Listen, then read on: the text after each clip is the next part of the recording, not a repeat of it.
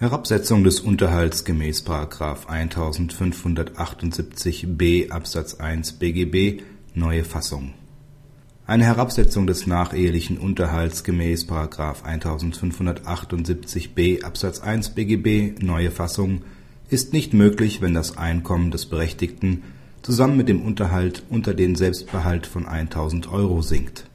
Die Ehefrau verfügt über eigenes Renteneinkommen von 437 Euro Bisher hatte sie einen Unterhaltsanspruch von 936 Euro, der Ehemann begehrt die Abänderung des Unterhalts auf monatlich 350 Euro.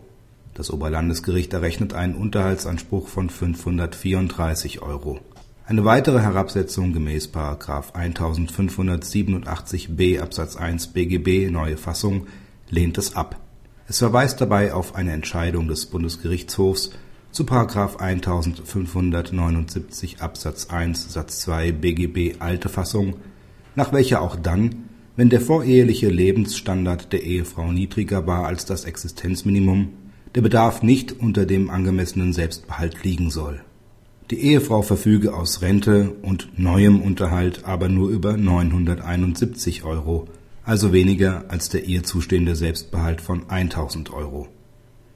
Ausblick ob der BGH diese Rechtsprechung bestätigt, bleibt abzuwarten.